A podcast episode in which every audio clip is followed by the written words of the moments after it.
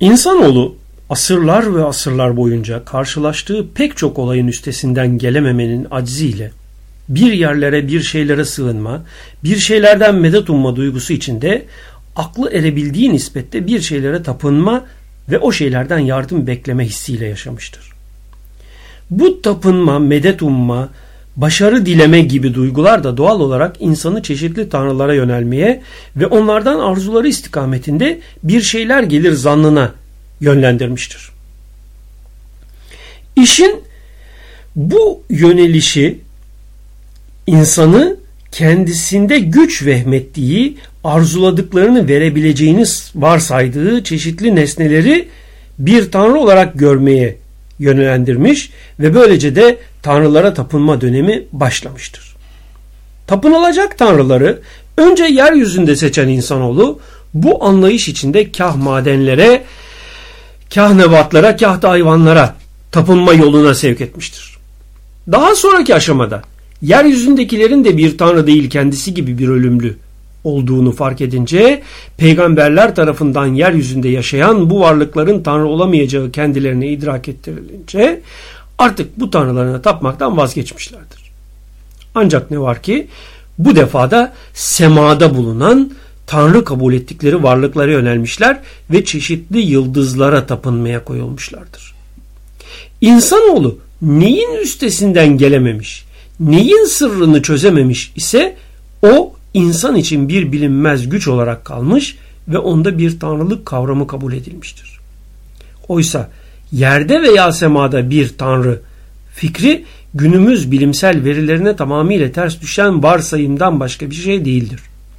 Ve nitekim bu bilimsel gerçekliğe ters düşen varsayım Kur'an-ı Kerim tarafından da kelime-i tevhid ile Tanrı yoktur, la ilahe ifadesiyle reddedilmektedir. Asırlar ve asırlar öncesinde ateşe ve yıldızlara tapınarak Tanrı varsayımı ile kendini kozaya hapseden insanoğlu daha sonraki devirlerde de yetiştikleri çevrelerin şartlandırmaları ile tefekkürden uzak bir biçimde yaşam sürmelerinin pahasını tanrılarına köle olmak ve bununla kendilerini tatmin etmek suretiyle ödemişlerdir. Elbette ki kozalarını günden güne daha kalınlaştırmak ve daha içinden çıkılmaz hale getirmek suretiyle. Hz. Muhammed Aleyhisselam Mekke'de kendisinin Allah Resulü olduğunu açıkladığı zaman sadece Kabe'de 360 tane Tanrı'yı sembolize eden 360 tane put bulunmaktaydı. İnsanlar her biri bir ayrı görev yapan 360 Tanrı'yı simgeleyen bu 360 puta tapınarak tatmin yolu içindeydiler. Düşünemiyorlardı yerde ya da semada bir Tanrı olamayacağını. Çünkü henüz evrenin gerçek boyutları hakkında bir fikirleri yoktu.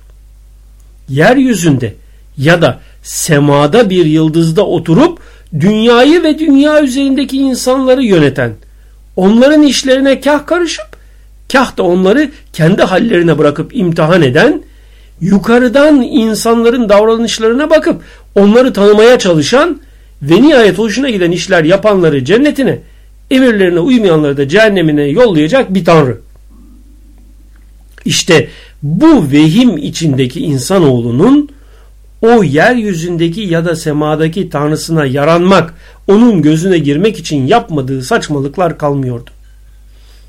Hatta Hazreti Ömer'in ifadesiyle kurabiyede tanrılarını sembolize eden putu yapıyor, önce onun karşısına geçip tapınıyor, sonra da oturup afiyetle o tanrıyı temsil eden putu yiyorlardı.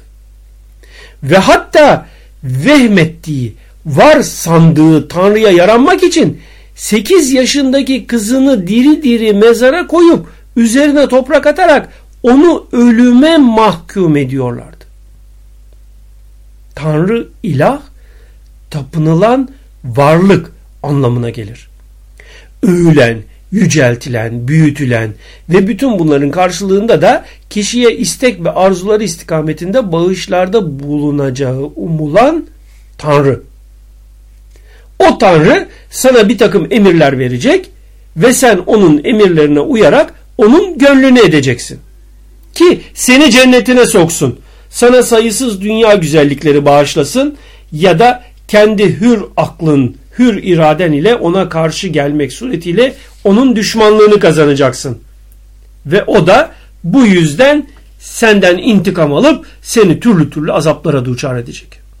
İşte insanlar bu yanlış, batıl ve ilkel düşünce ve inanç içinde tanrılara taparlarken Hz. Muhammed Mustafa aleyhisselam Allah Resulü olduğunu almış olduğu vahiy sonucu olarak açıklayıp artık insanların Tanrı'ya tapmaması için elinden gelen gayreti göstermeye başladı. Tanrı yoktur, sadece Allah vardır mesajıyla insanlara gerçeği anlatmaya başlayan Hz. Muhammed'in vurguladığı bu gerçek kelime-i tevhid şeklinde formüle edilmişti. Neydi kelime-i tevhidin manası?